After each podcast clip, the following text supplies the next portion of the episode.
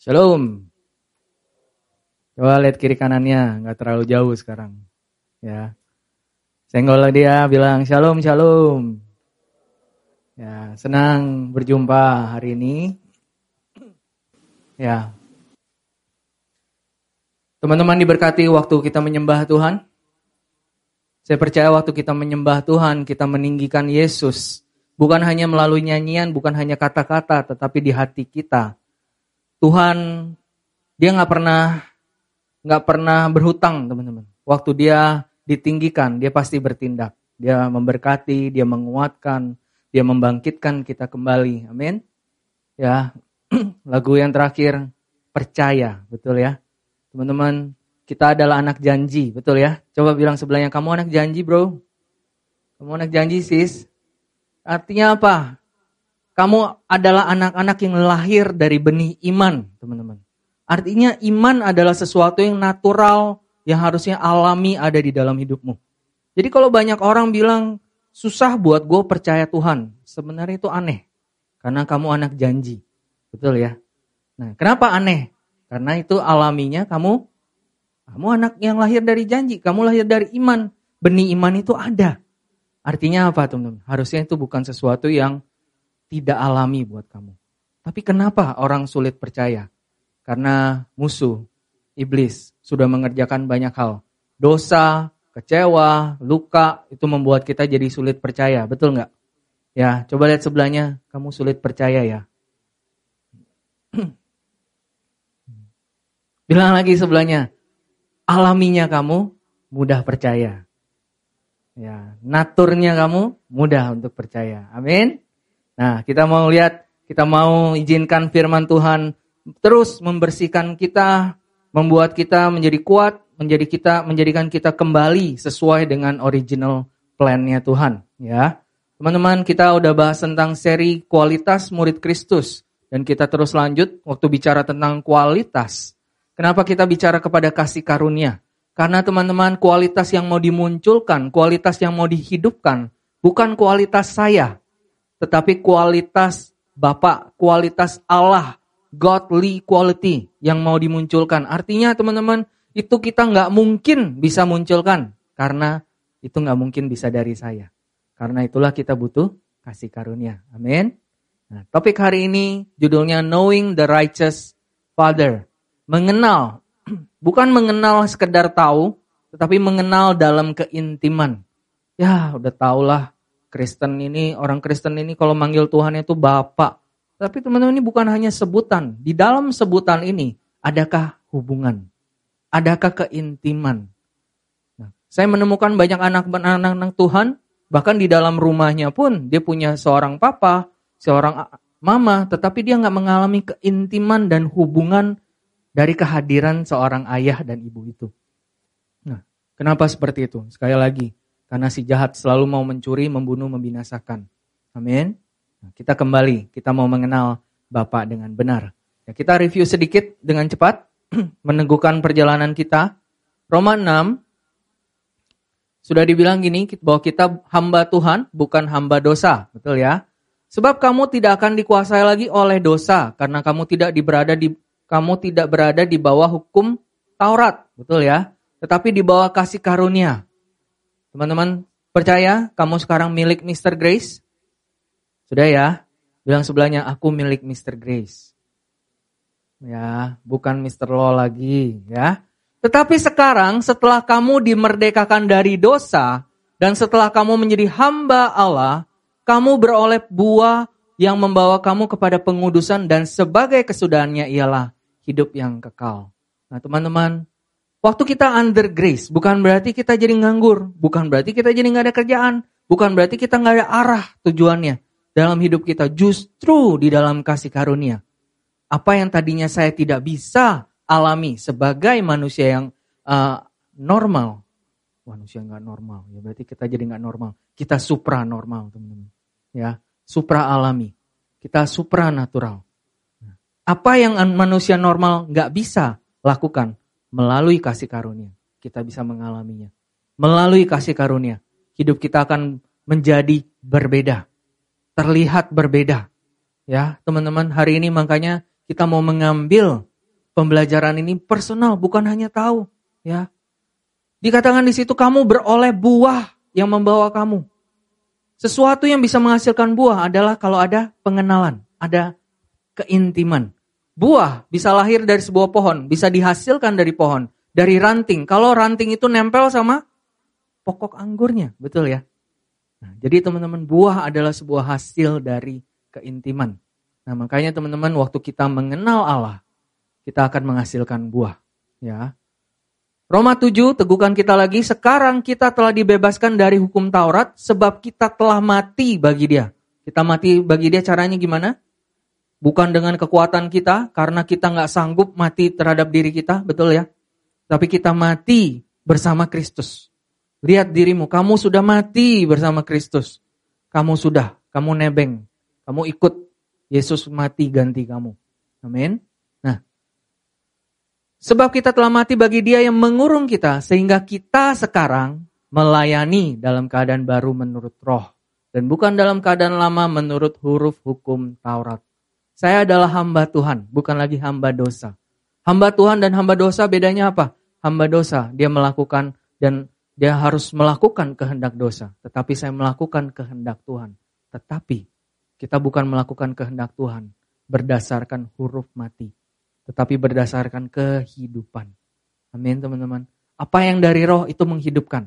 Apa yang dari roh itu menjadikan bersemangat. Apa yang dari roh membuat kita menjadi bergairah. Apa yang dari roh membuat kita menjadi hidup. Menjadi berpengharapan. Teman-teman, saya adalah seorang pelayan berdasarkan roh, bukan pelayan berdasarkan daging. Boleh kita baca sama-sama? Satu, dua, tiga.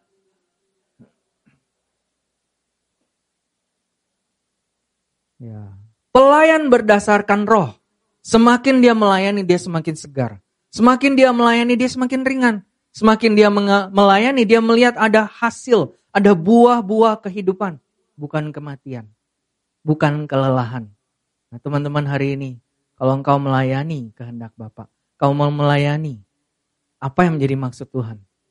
Kamu harusnya menjadi orang yang bersemangat, bergairah. Menjadi seorang yang tetap punya pengharapan, Punya pengharapan yang gak habis-habis. Waktu orang lain pesimis, kamu tetap hopeful.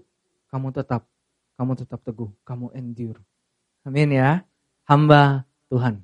Nah, sekarang kita mau lihat berdasarkan keadaan baru berdasarkan roh itu maksudnya apa?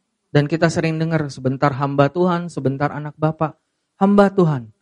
Hamba yang berdasarkan roh ini apa teman-teman? Melayani berdasarkan roh. Karena berdasarkan pengenalan teman-teman pengenalan. Saya mau tanya, kamu bisa kenal satu benda yang mati nggak teman-teman? Kalau ngomong pengenalan, artinya kamu mengenal satu pribadi yang hidup, betul nggak? Ada di sini yang kamu punya teman, punya, gue punya banyak sahabat. Mana sahabat lo? Ini batu, Wih, sahabatnya batu, ya. Dia nggak pernah berubah, iya bener nggak pernah berubah teman-teman. Batu, ya kan? Ya gue sedih kok, Gue sedih, dia gak marah, dia tetap aja begitu. Gue marah, dia tetap begitu. Gue bahagia, dia tetap begitu. Dia setia. Wih, ya coba senggol sebelahnya. Masih sehat, ya? Masih sehat ya. Teman-teman, waktu bicara pengenalan, pasti ini bicara tentang sebuah hubungan. Nah, betul ya. Nah, makanya teman-teman di sini, waktu kita bicara kita melayani dalam keadaan yang baru, kita melayani berdasarkan roh. Ini bicara tentang apa teman-teman? Saya hamba Tuhan. Tetapi sekarang teman-teman, saya melayani berdasarkan pengenalan. Nah, pengenalan apa?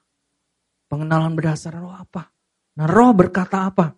Nah ini yang kita mau diteguhkan teman-teman. Roma 8 ayat 15 sampai 16 bilang kayak gini. Sebab kamu tidak menerima roh perbudakan yang membuat kamu menjadi takut lagi. Nah teman-teman kau tidak menerima roh perbudakan yang membuat kamu menjadi takut lagi. Karena itu teman-teman hari ini kalau engkau datang ke tempat ini karena takut. Gue takut kalau gue gak datang ke ibadah nanti ban gue meledak. Gue takut kalau gue gak saat teduh dengan lancar nanti IP gue merosot. Terjadi malfunction. ya Waktu mau submit, eh ke submitnya salah. Cuma masuk setengah. Gue takut kalau gue gak baca firman gue sial.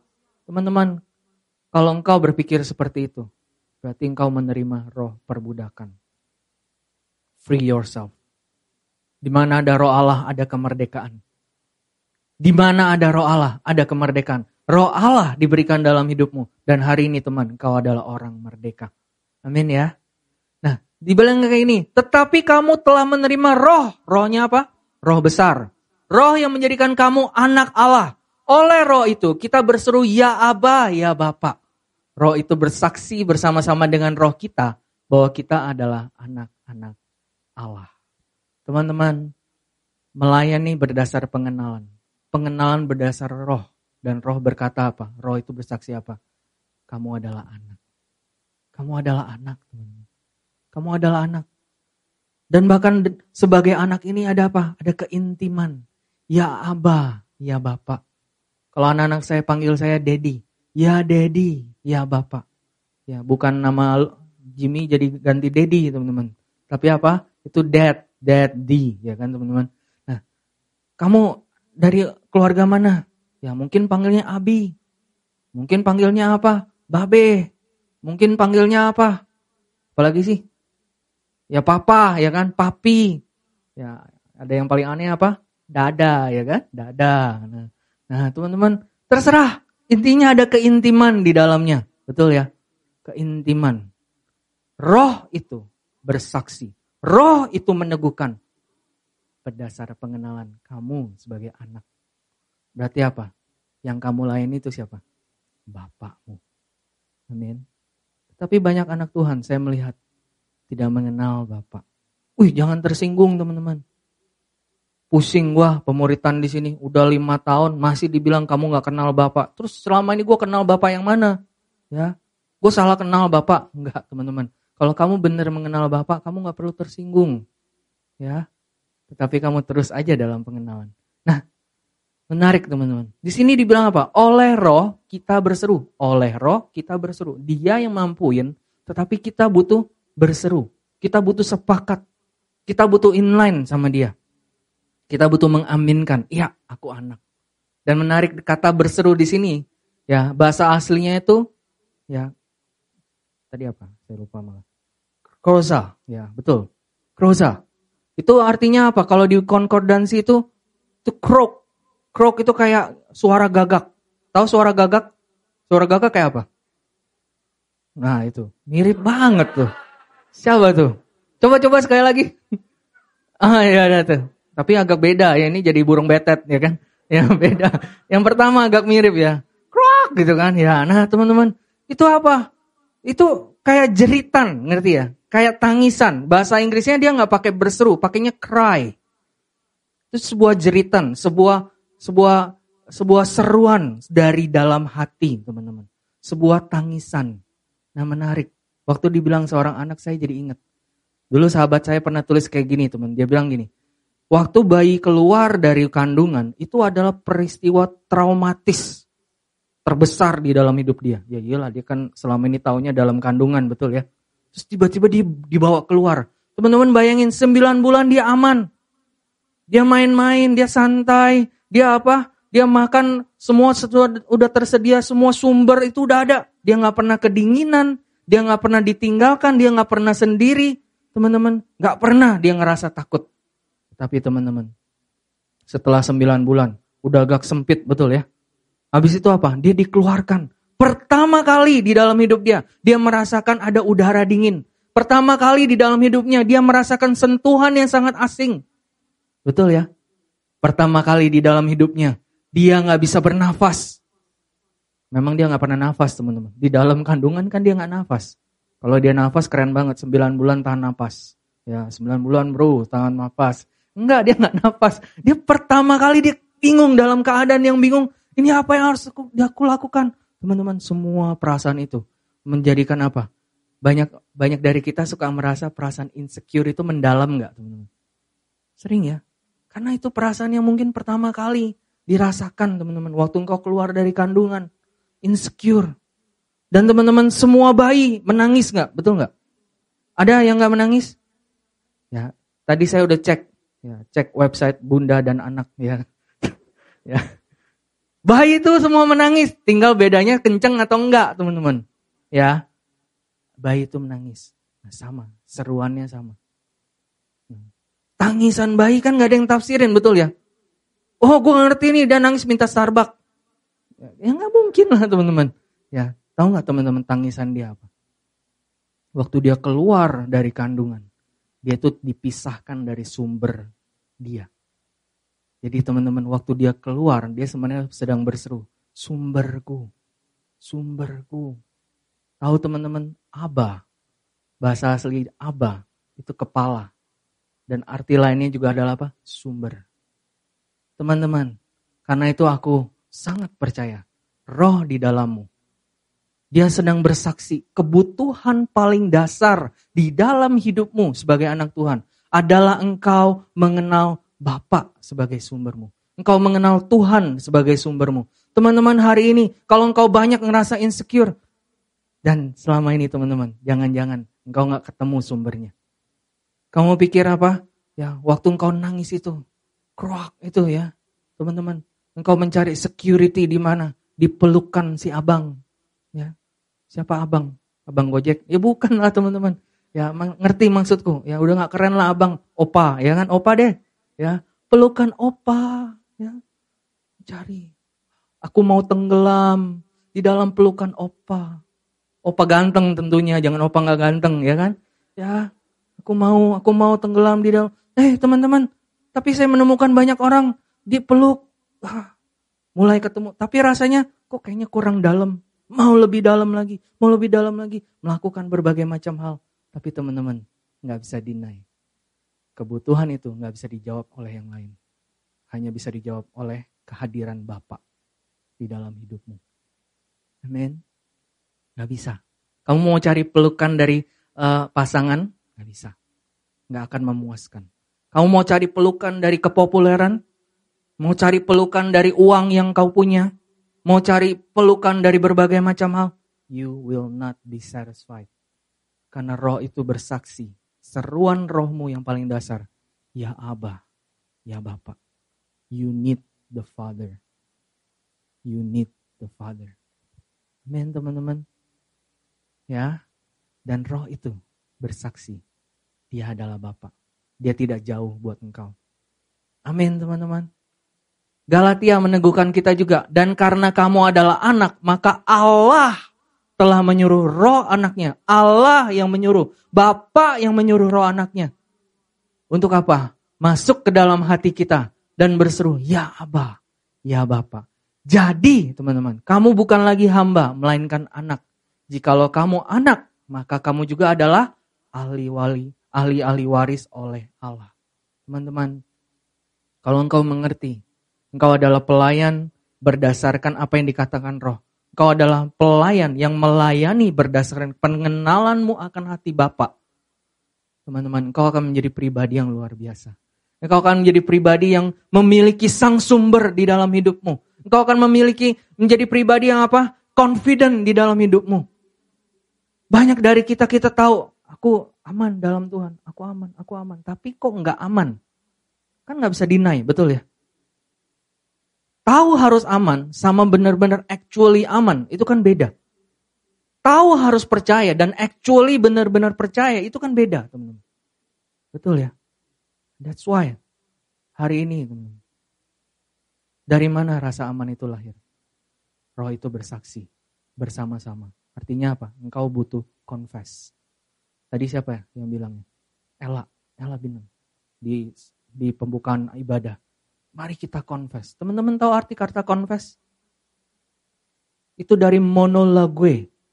Ini gue bukan ngada-ngada. Saya nggak ngada-ngada. Monologue. Mono itu sama.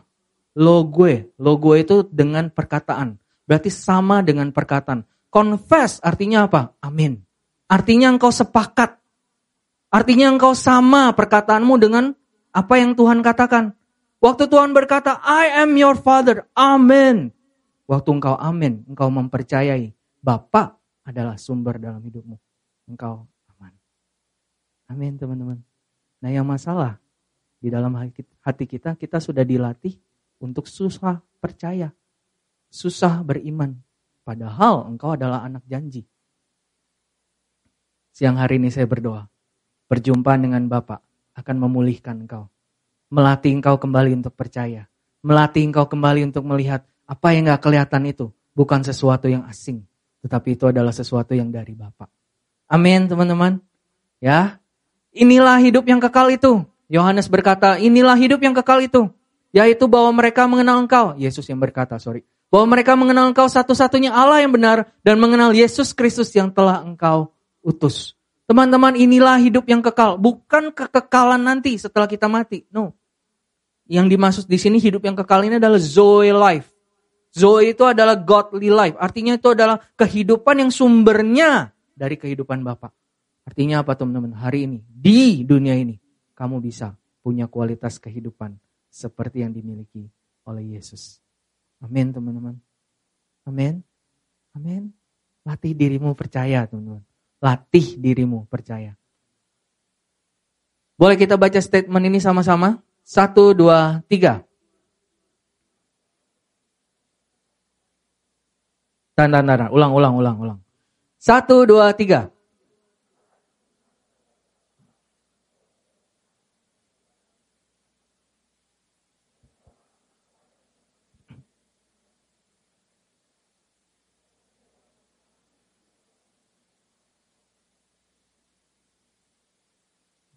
Ya, udah kelar. Ya.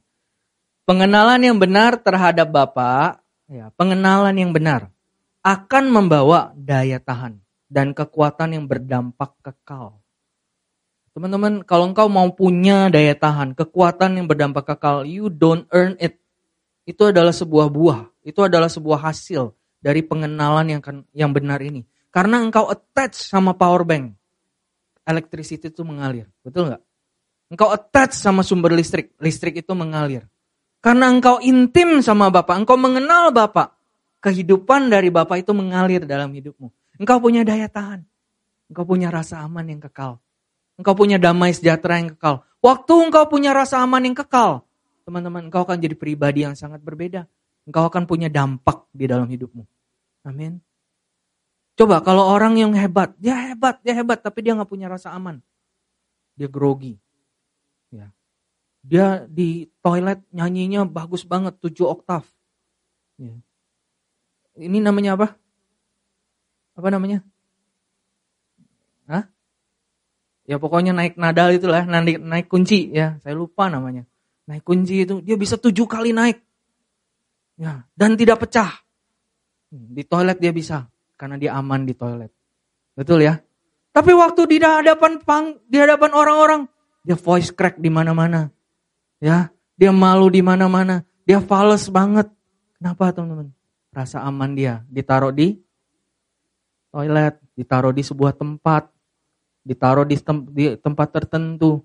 Banyak dari kita engkau juga begitu. Engkau menaruh rasa amanmu di tempat tertentu, situasi tertentu, orang tertentu. Betul ya? Begitu nggak ada orang tertentu, kamu langsung bingung.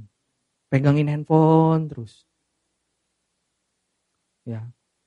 Di luar kelihatannya lagi lagi ngechat, pas dilihat cuma scroll scroll scroll scroll scroll scroll ya. Habis itu kontaknya si orang itu udah di mana?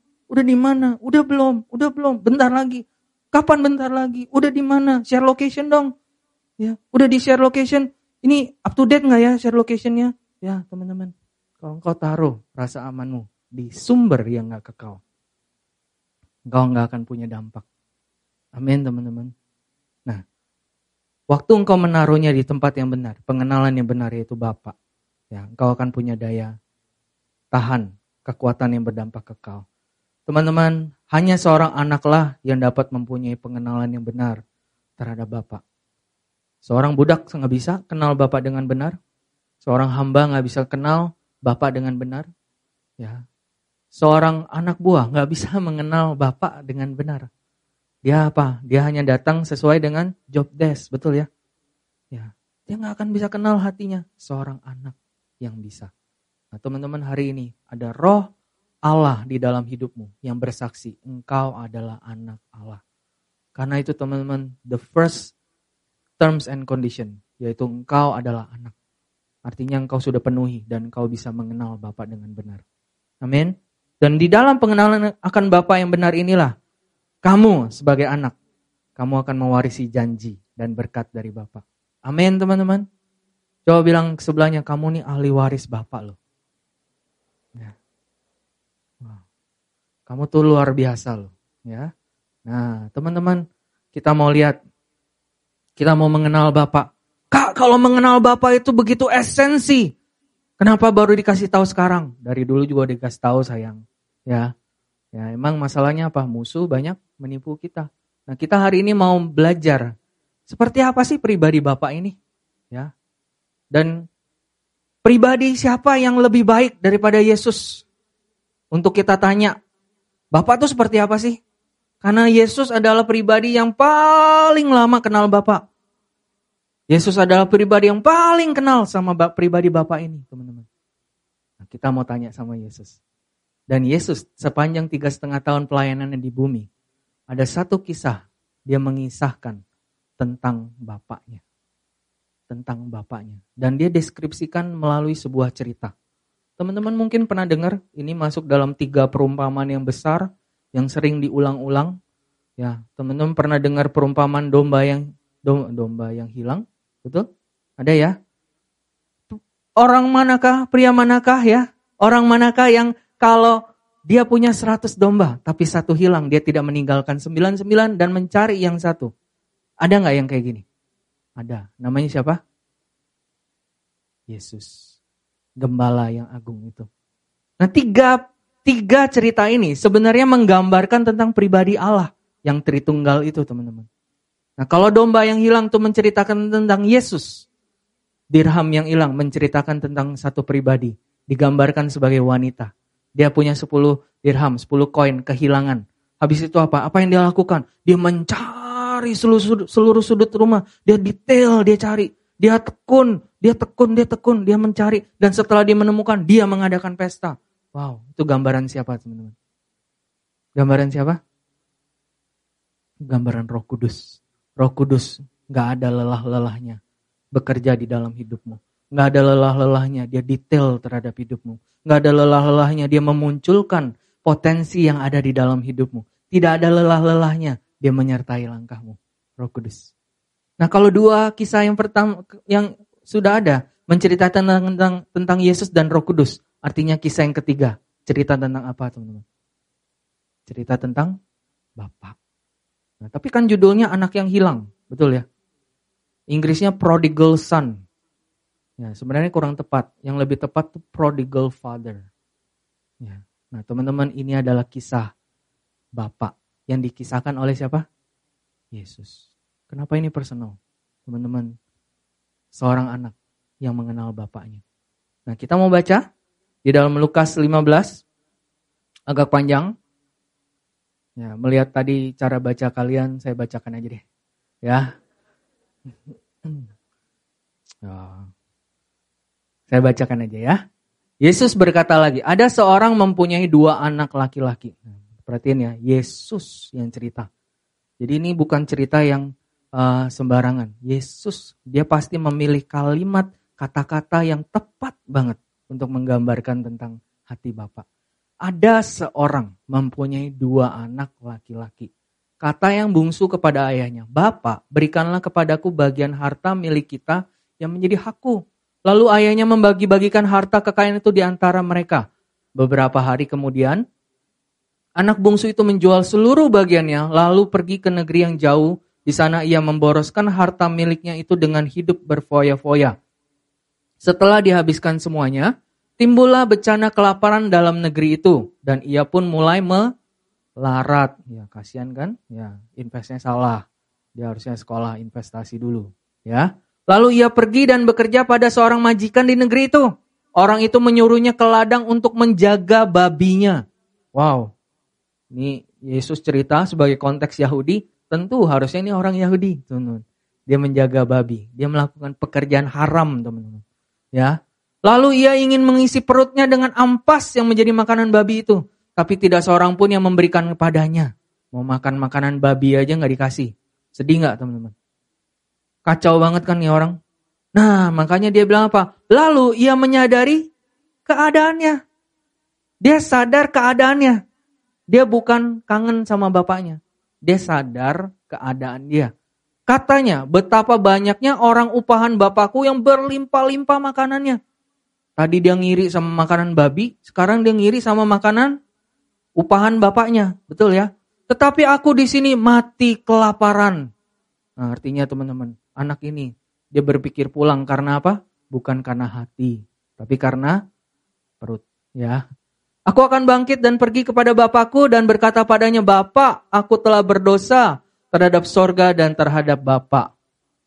Aku tidak layak lagi disebutkan anak Bapak. Jadikanlah aku sebagai salah seorang upahan Bapak. Ini lumayan kak, dia tahu diri ya. Ya dia tahu diri sih, cuma dia nggak sadar diri. Ya, maka bangkitlah ia dan pergi kepada bapaknya ketika ia masih jauh. Ayahnya telah melihatnya. Lalu tergeraklah hatinya oleh belas kasihan. Ayahnya itu berlari mendapatkan dia, lalu merangkul dan mencium dia. Kata anak itu kepadanya, Bapak, aku telah berdosa terhadap surga dan terhadap Bapak. Aku tidak layak lagi disebutkan anak Bapak. Tetapi, menarik ya, tetapi. Kalau tetapi itu artinya apa? Semua yang dia ngomong tuh nggak ada artinya. Ya, tetapi ayah itu berkata kepada hamba-hambanya, lekaslah bawa kemari jubah yang terbaik, pakaikanlah itu kepadanya dan kenakanlah cincin pada jarinya dan sepatu pada kakinya. Dan ambillah anak lembu tambun itu, sembelilah dia, dan marilah kita makan dan bersuka cita. Sebab anakku itu telah mati dan menjadi hidup kembali. Ia telah hilang dan didapat kembali. Maka mulailah mereka bersukaria. Tetapi anaknya yang sulung berada di ladang dan ketika ia pulang dan dekat ke rumah, ia mendengar bunyi seruling dan nyanyian tari-tarian. Wajar nggak dia marah teman-teman? Ya wajar lah. Ngadain party di rumahnya dia nggak diundang ya kan? Nah, lalu ia memanggil salah seorang hamba dan bertanya kepadanya apa arti semuanya itu. Jawab hamba itu, adikmu telah kembali dan ayahmu telah menyembeli anak lembu tambun karena ia mendapatnya kembali dengan sehat. Maka marahlah anak sulung itu dan ia tidak mau masuk. Lalu ayahnya keluar dan berbicara dengan dia. Tetapi ia menjawab ke ayahnya, katanya, telah bertahun-tahun aku melayani bapak dan belum pernah aku melanggar perintah bapak. Tetapi kepada aku belum pernah bapak memberikan seekor anak kambing untuk bersuka cita dengan sahabat-sahabatku. Tetapi baru saja datang anak bapak. Menarik ya, anak bapak. Anak bapak yang telah memboroskan harta kekayaan bapak bersama-sama dengan pelacur-pelacur. Maka bapak menyembeli anak lembu tambun itu untuk dia. Kata ayahnya kepadanya, anakku, engkau selalu bersama-sama dengan aku. Dan segala kepunyaanku adalah kepunyaanmu. Kita patut bersuka cita dan bergembira karena adikmu telah mati dan menjadi hidup kembali. Ia telah hilang dan didapat kembali. Teman-teman, kisah ini pasti nggak asing. Apalagi beberapa bulan lalu kita melihat presentasinya dalam sebuah drama, betul ya? Drama singkat. Ada mana? Anak bungsu mana? Jero mana Jero? Wah, itu anak bungsu. Anak sulung mana? Alvin mana Alvin? Oh, Alvin nggak datang ya. Mungkin lagi di ladang, ya. Oke, okay, ya. Nah, teman-teman, kita mau ambil pembelajaran ya. Kita ambil pembelajarannya. Bapak tuh kayak gimana sih? Kita mau lihat satu persatu. Ya, yang pertama, Bapak yang benar. Bapak adalah dia pribadi yang senantiasa berkemurahan. Ya. Dalam ayat yang 12 sampai 13 dikatakan yang bungsu minta sama bapaknya. Sebenarnya yang minta berdua, cuma yang bungsu yang berani ngomong. Bapak, berikanlah padaku bagian harta milik kita yang menjadi hakku. Dia minta apa? Dia minta warisan, teman-teman. Dia minta bagian. Dia minta, ada nggak sih Bapak nyediain bagian buat aku? Dan coba lihat, Bapak jawabnya apa? Ada. Ada. Teman-teman, Bapak itu adalah pribadi yang murah hati. Dia dari awal dia murah hati. Dari awal dia udah menginisiasi bagian yang dia sediakan bagi kita. Teman-teman jangan kau berpikir Tuhan itu tunggu kamu kelihatan baik dulu baru dia pikirin gue kasih apa ya buat dia. Enggak ada, enggak. Dari awal dia sudah menyediakan buat engkau. Dari awal dia sudah merencanakan porsi yang menjadi bagianmu di dalam Tuhan. Amin teman-teman. Inisiatornya dari dia. Dia hat, dia pribadi yang hatinya memang kemurahan, penuh kemurahan hati. Dia selalu memberi. Dia memberi. Dia bukan orang yang mengambil. Dia bukan pribadi yang mengambil. Nah banyak saya melihat anak-anak bapak suka berpikir bapak itu tukang ngambil, tukang ngembat, tukang tuntut. Apalagi tuh kan bener ada lagunya. Tahu lagunya? Lagu tuntutan dari Bapak. Judulnya apa? Refnya kayak gini. Takkan pernah ku bawa, ya kan? Ketinggian. Selain yang apa? Yang terbaik. Nah tuh kan Tuhan tuh maunya yang terbaik. Tuhan itu tukang tuntut. Maunya the best service. The best, the best, the best, the best. Selalu maunya the best. Tukang tuntut. Gak pernah puas. Teman-teman, berapa banyak dari engkau berpikir Bapak seperti itu? maunya yang terbaik. Maunya yang terbaik. Mintanya yang terbaik. Makanya teman-teman nyanyi lagunya jangan dengan mental budak. Jangan mentalnya dengan mental hamba daging, teman-teman. Tapi nyanyilah dengan mental anak Allah. Dan dan kau akan tahu bahwa pemberian yang terbaik buat bapakmu adalah apa sih teman-teman? Adalah waktu engkau menerima kebaikan dia. Waktu engkau berkata amin Bapak. Ya, engkau baik atas hidupku. Wow, coba teman-teman. Ada seorang bayi, dia baru lahir. Apa sih pemberian yang terbaik yang dia bisa kasih buat bapaknya? Apa yang dia bisa kasih? Ya, baru lahir, Pak, ini IP 4 bisa keluar. Ya nggak bisa lah, betul ya. Tapi ya, bapaknya kok bangga loh sama dia. Bapaknya seneng, bapaknya bahagia sama dia. Why? Karena anak ini dia menerima kasih. Coba Tanya Kak David yang anaknya baru lahir, betul ya? Nangis, nangis, nangis, nangis, nangis. Waktu dipeluk langsung tenang, adem. Wow, teman-teman, coba hati Bapak rasanya gimana? Dia senang waktu anaknya menerima pelukan dari dia. Amin, teman-teman. Dia adalah Bapak yang memberi. Dia bukan Bapak yang menuntut. Dia menginisiasi. Dia yang memberi uh, keinginan awal untuk apa? Memberkati hidupmu. Teman-teman, dia adalah Allah yang penuh kemurahan hati. Ya. Ayahnya membagi-bagikan harta kekayaan itu di antara mereka. Artinya yang dapat warisan berapa orang? Berapa orang yang dapat? Dua-duanya, betul ya? Nah, tapi masalahnya apa? Beberapa hari kemudian anak bungsu itu menjual seluruh, seluruh loh teman-teman. Seluruh bagiannya, lalu pergi ke negeri yang jauh di sana ia borosin harta dengan hidup berfoya-foya. Ah, teman-teman, coba bayangin kalau ada satu ya pedagang bakmi Cina ya. Terus dia mewariskan buat anaknya. Anakku, ya, ya kan? Aku mewariskan buat kamu satu lapak bakmi ayam legendaris. Semua mesin-mesinnya, gerobak-gerobaknya sampai resep-resepnya papa wariskan buat kamu. Ya. Kamu ingat ya pesan papa, ya, kerja keras, baru sukses belakangan. Nah ya itu kan. Nah teman-teman, baru dua hari dia terima warisan, tahu apa yang dia lakukan? Dia pulang, dia bilang, Papa, aku sudah menghasilkan 2M. Wow, kenapa bisa begitu? Aku menjual semua warisan dari papa, ya kan? Aku dapat 2M, Pak. Ya, coba kira-kira respon papanya apa? Ya, karena dia orang Cina, mungkin dia bilang, siau, ya kan. Ya, gila kamu ya kan, bodoh kamu. Ya, kamu jual 2M sama resep-resepnya. Ya ampun anakku, ya kan. Itu bakmi, itu lapak bisa hasilin 10M. Wih, keren banget deh. Ya, jualan bakmi 10M. Bisa nggak? Bisa sih. Ya udahlah, abaikan. Ya. Eh, inti, teman-teman, bersyukurlah. Bapak nggak kayak seperti itu. Kirain Kolong bakal ngomong bersyukur Bapak bukan orang Cina. Bukan. bukan. Bapak nggak seperti itu, teman-teman ya. Kamu jangan stereotype gitulah ya. Nah, Bapak dia nggak seperti itu. Coba lihat. Waktu anak ini jual, Bapak dia nggak marah. Dia nggak terluka. Dia nggak tersakiti. Nah, berapa banyak dari engkau, teman-teman, suka berpikir kamu bisa melukai hati Bapak, menyakiti dia, Dulu saya berpikir seperti itu.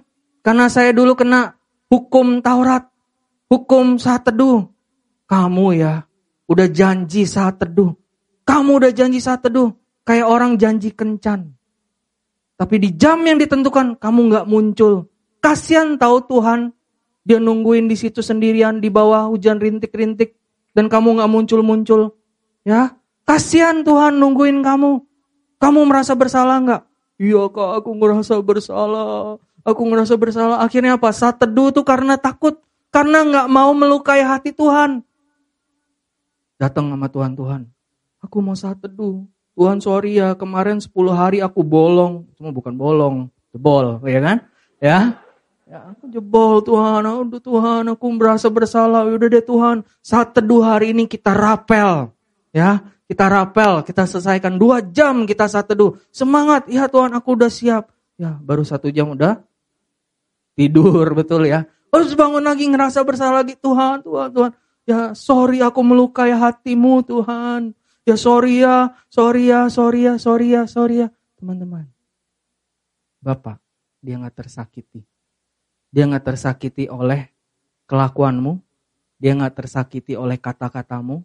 Dia nggak tersakiti. Dia tidak tersakiti. Banyak orang suka pikir apa? Perbuatan baik dia bisa bikin bapak tambah seneng sama dia. Kalau itu bisa terjadi, artinya perbuatan burukmu bisa bikin bapak nggak seneng sama kamu. Teman-teman percaya nggak? Hati bapak tuh nggak berubah terhadap kamu. Nothing you can do can change his love towards you. Nothing. Hari ini, makanya teman-teman, keluarlah.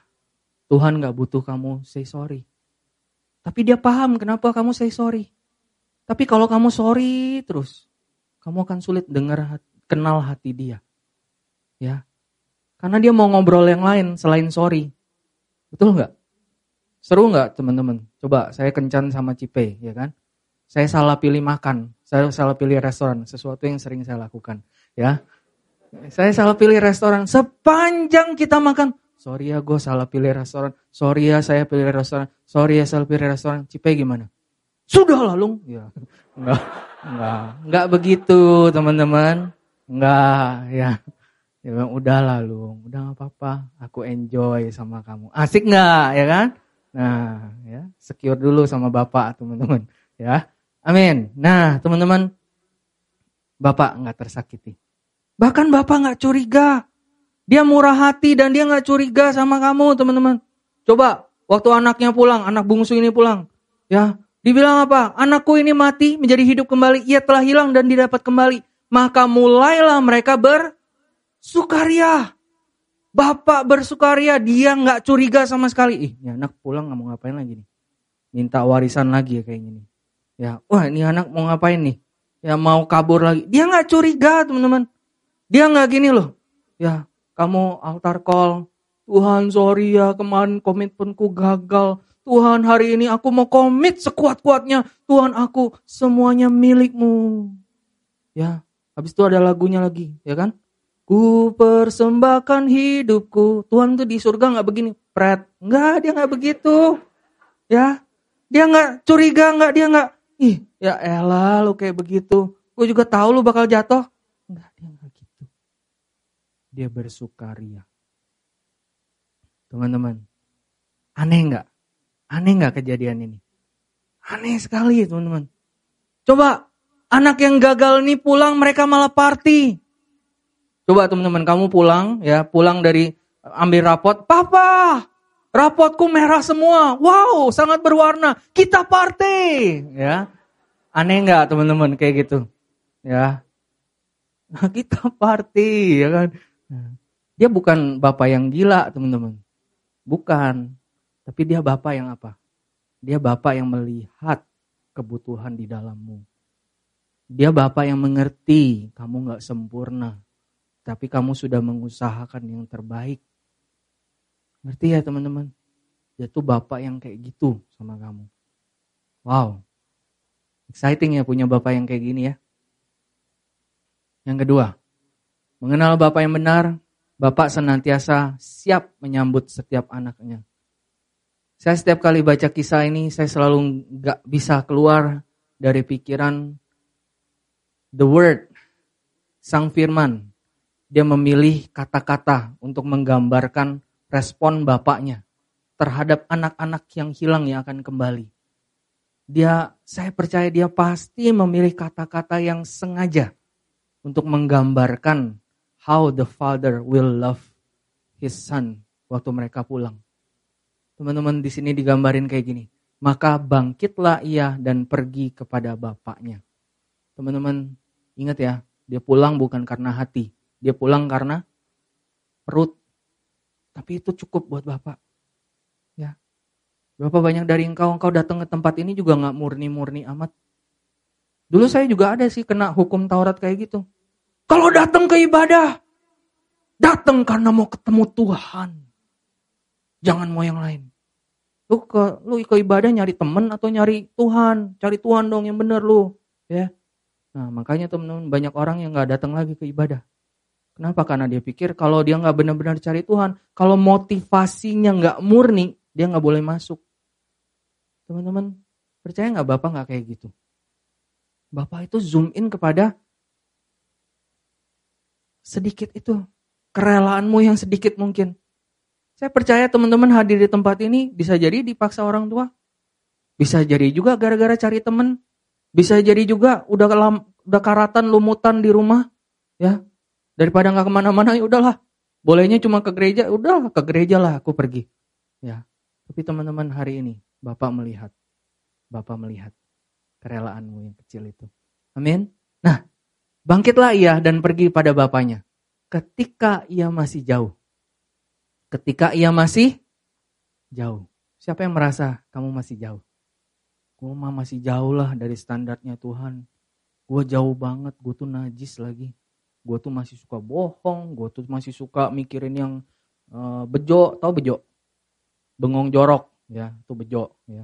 Masih bejo, ya, mikirin yang aneh-aneh, porno-porno. Terus apa lagi? Gue masih ngomong kasar, gue masih suka apa? Nyuri. Teman-teman, masih jauh tapi teman-teman lihat, ketika ia masih jauh, masih jauh, jauh, dibilang apa? Ayahnya telah melihatnya. Pertama teman-teman, kebetulan amat ya. Kebetulan banget anaknya pulang, eh bapaknya ngeliat, wow pas banget. Enggak teman-teman, itu bukan kebetulan. Karena aku percaya bapaknya tuh setiap hari menantikan. Teman-teman percaya nggak bapak menantikan kau setiap hari? Bapak melihat engkau walaupun kamu masih jauh. Bapak melihat engkau waktu engkau di rumah. Bapak melihat engkau waktu engkau ada di tempat itu. Waktu engkau menangis. Waktu engkau meratap. Waktu engkau jatuh. Waktu engkau ada dalam kekelaman. Bapak sudah melihat kamu. Tapi dia gak membiarkan kamu. Dalam kasih dia menarik engkau. Amin teman-teman. Dan somehow di dalam rohmu engkau meresponi itu. Dan kau mulai datang dan Bapak melihatnya. Dari jauh dia sudah melihat engkau. Dari jauh dia sudah mengenal engkau. Anak bungsu waktu pulang kan bajunya pasti compang-camping, betul nggak? Pasti kotor. Dia pergi mungkin klimis rambutnya, pas pulang dia rambutnya udah panjang. Ya, kenapa barbershop mahal? Ya, bisa. Ya. Atau jangan-jangan rambutnya udah gimbal karena debu. Ya. Dia pulang dalam keadaan yang kotor, tapi bapaknya mengenali dia. Hai anak-anak bapak, walaupun kamu tertutup lumpur dosa, walaupun kamu tertutup oleh berbagai kotoran, your father knows you. He sees you. He sees you. Dan lanjut apa? Tergeraklah hatinya oleh belas kasihan. Wow. Waktu dia melihat engkau, dia nggak melihat dosamu. Ya elah nih anak kotor amat, jijik banget, ih najis. Ya dia nggak gitu. Yang dia lihat bukan dosa, yang dia lihat adalah penebusan. Yang dia lihat adalah apa? Anakku butuh aku.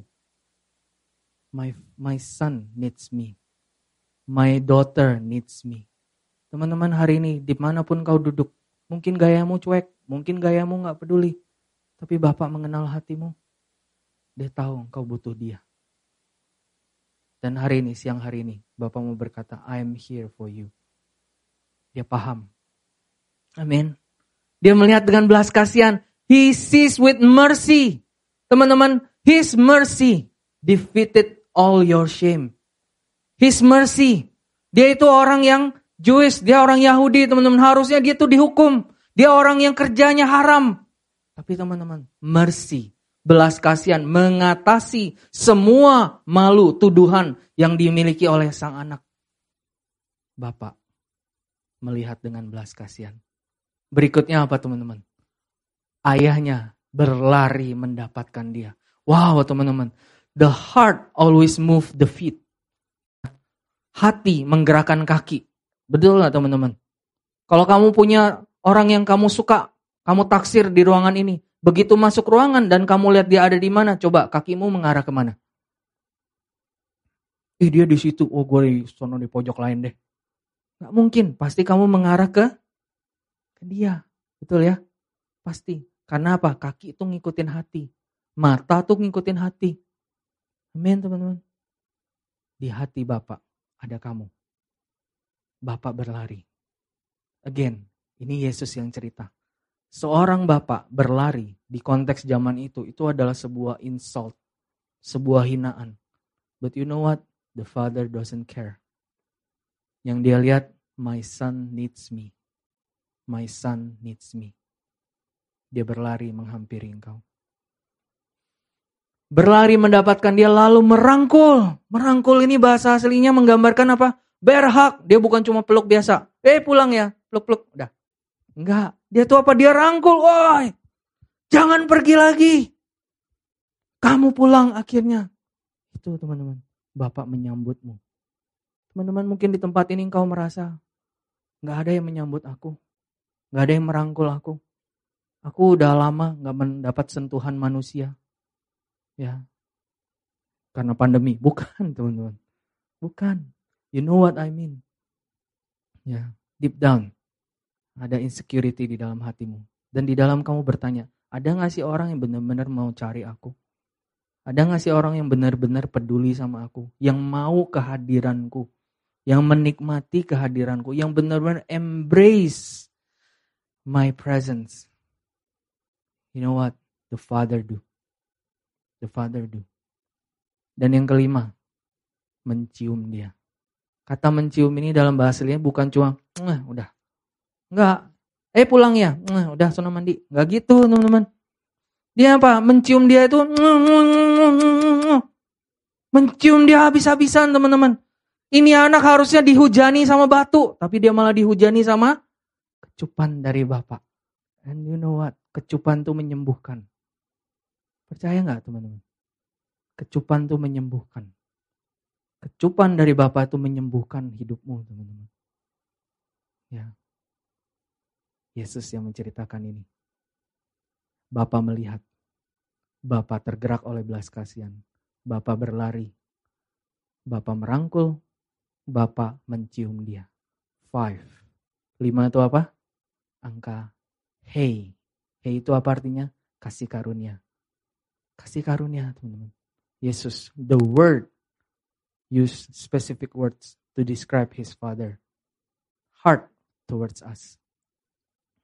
Hey, teman-teman, Bapak, dia nggak melihat kegagalanmu. Dia nggak dihentikan oleh kegagalanmu, teman-teman. Dia nggak menilaimu berdasarkan keberhasilan ataupun kebisaanmu.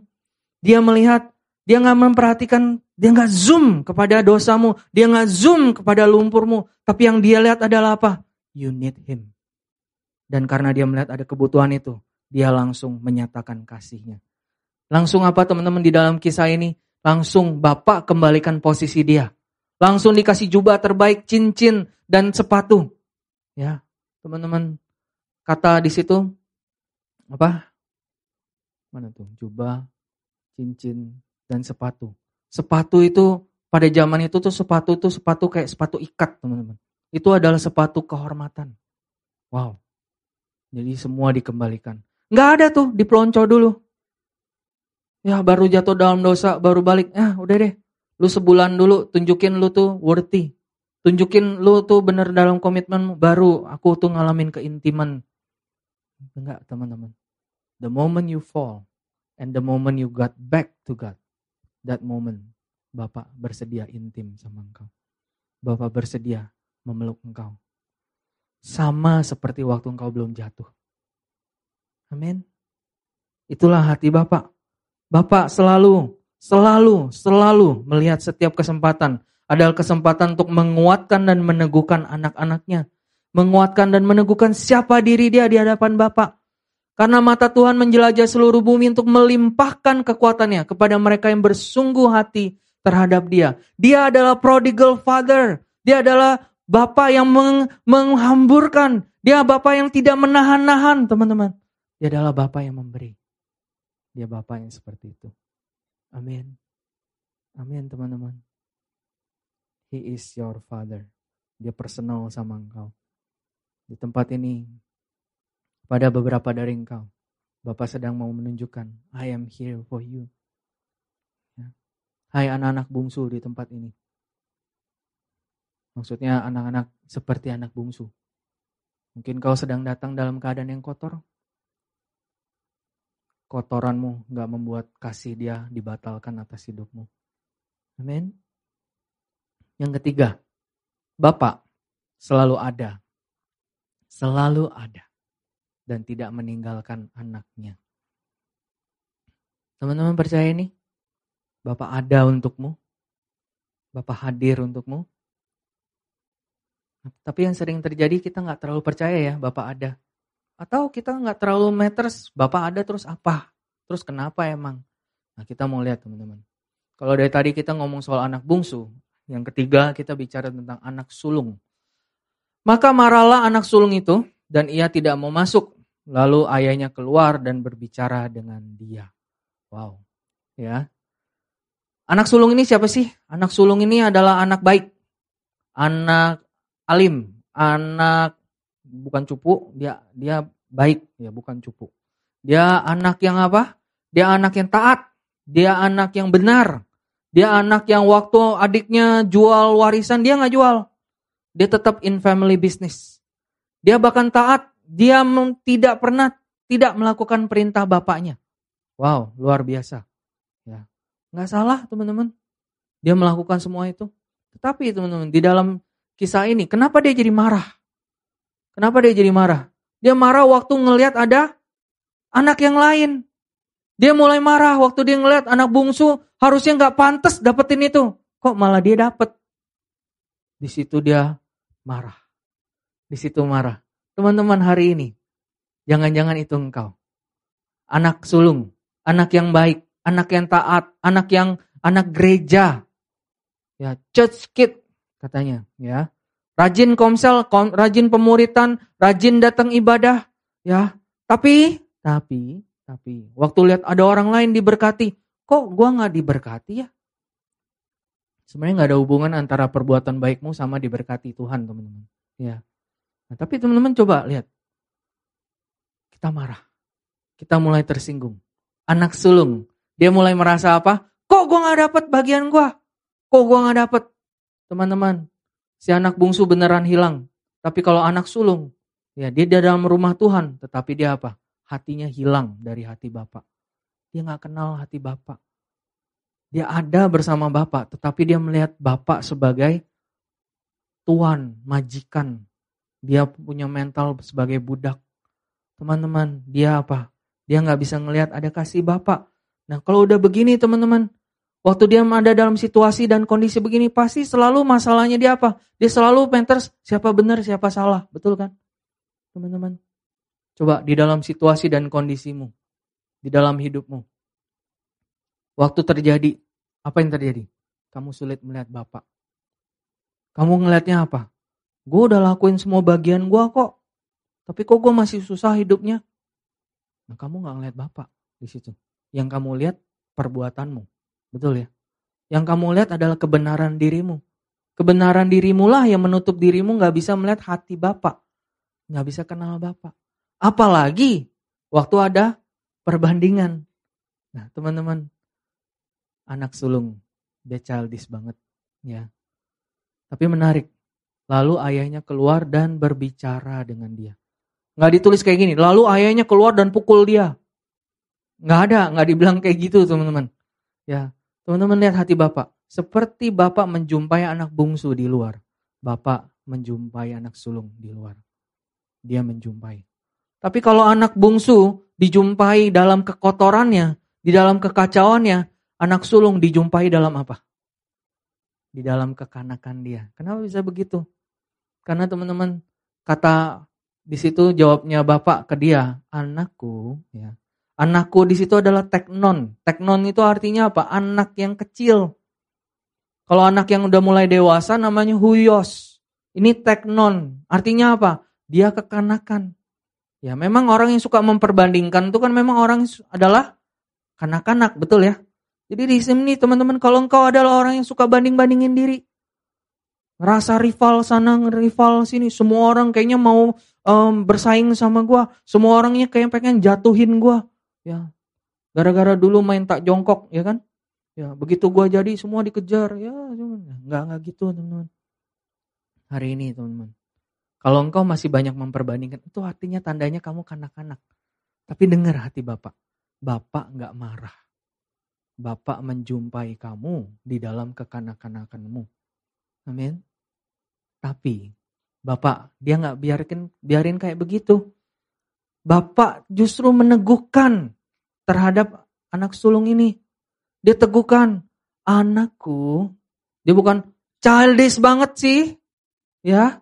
Aduh baby, baby. Nah, kamu baby ya, baby. Kamu childish banget. Kekanakan kamu enggak dia nggak gitu. Anakku, ya.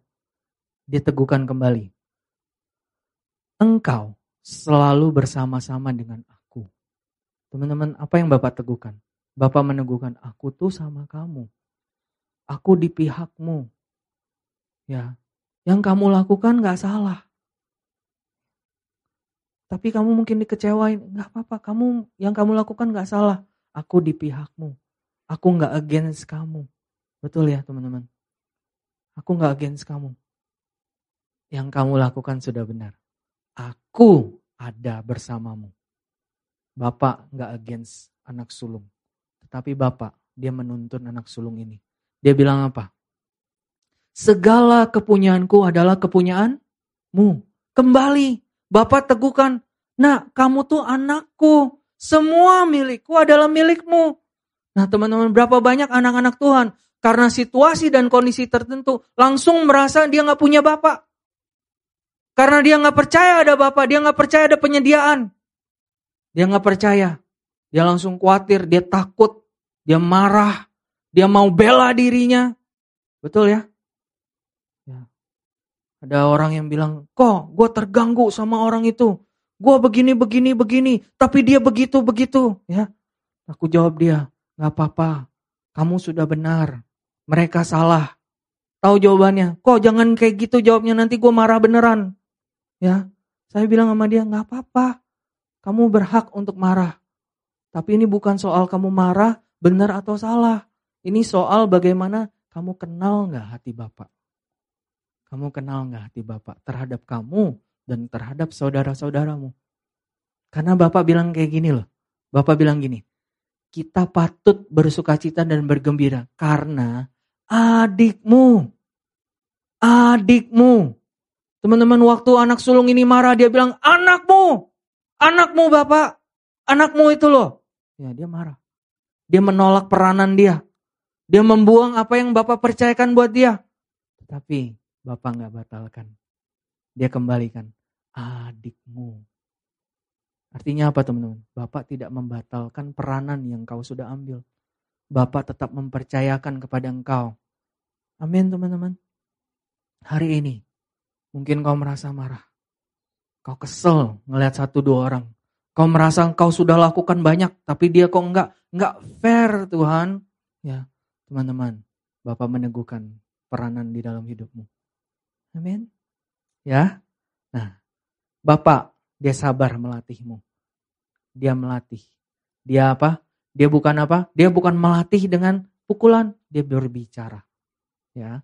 Dan ayat ini menutup, meneguhkan kita teman-teman. Karena kasih karunia Allah yang menyelamatkan semua manusia sudah nyata. Ia mendidik kita supaya kita meninggalkan kefasikan keinginan duniawi dan supaya kita hidup bijaksana, adil, beribadah dalam dunia sekarang ini. Kita akan bahas ayat ini di ibadah-ibadah yang berikutnya. Tapi hari ini lihat, kasih karunia Allah sudah nyata. Ia mendidik kita. Berarti apa teman-teman? Kasih karunia mendidik hidupmu. Dan kata mendidik di sini adalah paideo. Paideo ini adalah apa? Child training. Seperti seorang ayah yang melatih anaknya. Nah bagaimana dia melatih anaknya? Melalui bicara, melalui firman, melalui arahan firman. Jadi teman-teman jangan kau berpikir, ih Tuhan mendidik gue dengan cara kasih gue sial, kasih gue keadaan yang gak enak. Teman-teman, Tuhan gak kayak gitu. Ih, gue nih lagi dididik Tuhan. Kenapa? Gue baru kecelakaan, bro. Ih, ngeri kali. Kalau Tuhan mendidik kamu dengan cara kecelakaan, jangan-jangan nanti keburu mati sebelum kamu belajar apa yang butuh dipelajarin. Betul nggak teman-teman? Tuhan nggak kayak gitu. Dia itu melatihmu dengan apa? Dengan lembut. Karena itu hari ini, hai anak-anak janji. Dengan lemah lembut pun kau bisa menerima firman yang berkuasa menyelamatkan jiwamu. Amin. Ya. Dan Allah sanggup melimpahkan segala kasih karunia kepada kamu supaya kamu senantiasa berkecukupan, katakan berkecukupan. Di dalam segala sesuatu dan malah berkelebihan di dalam berbagai kebajikan. Teman-teman, waktu engkau menyadari engkau punya Bapak, engkau punya sumber, engkau akan punya sense of fullness, contentment. Engkau akan punya sense of apa? You are more than enough. You have more than enough. You have more than enough sehingga apa? Engkau nggak nggak sabar, engkau nggak nggak ragu untuk memberikan apa yang engkau punya. Engkau nggak ragu memberikan kasih, engkau nggak ragu memberikan damai sejahtera, engkau nggak ragu memberi rasa aman buat orang lain, engkau nggak ragu menolong orang lain. Teman-teman, dalam minggu-minggu ini saya melayani banyak orang. Saya berkata, kamu nih tahu kamu punya bapak tapi kamu nggak mengalami kamu punya Bapak. Nggak ada sense of confidence waktu engkau punya Bapak itu.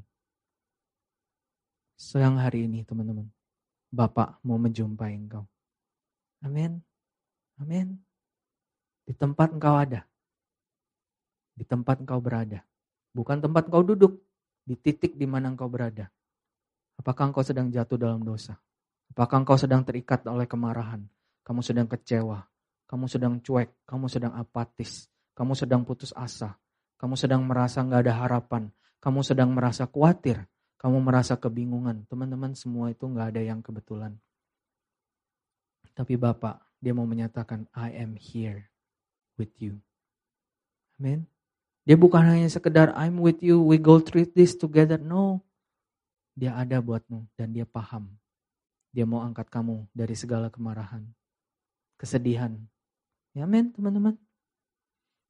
Statement terakhir. Pengenalan Bapak yang benar. Ya, di dalam pengenalan Bapak yang benar. Senantiasa ada kecukupan. Bahkan kelimpahan. Dalam segala sesuatu untuk menyatakan kehadiran pengenalan Allah yang benar dan damai sejahtera sampai kepada bangsa-bangsa. Teman-teman, kalau engkau mengenal Bapak yang benar, di dalam pengenalan Bapak yang benar ini akan ada sense fullness, confident, no lack. Amin teman-teman. Ini bukan sesuatu yang bisa diada-adain. Ini bisa ada karena engkau berjumpa dengan dia yang ada buat kamu. Amin. Kita bangkit berdiri yuk. Kita baca statement terakhir ini sama-sama. Habis itu kita berdoa.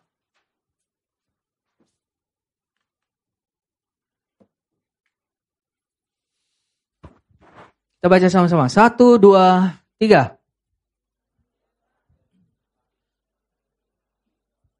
Oke, ulang lagi, ulang lagi. Eh, anak-anak Bapak, bolehlah baca yang rapi ya. Coba kita baca di dalam pengenalan Bapak yang benar. Di dalam, kurang, di dalam pengenalan Bapak yang benar ya. Satu, dua, tiga. Nah.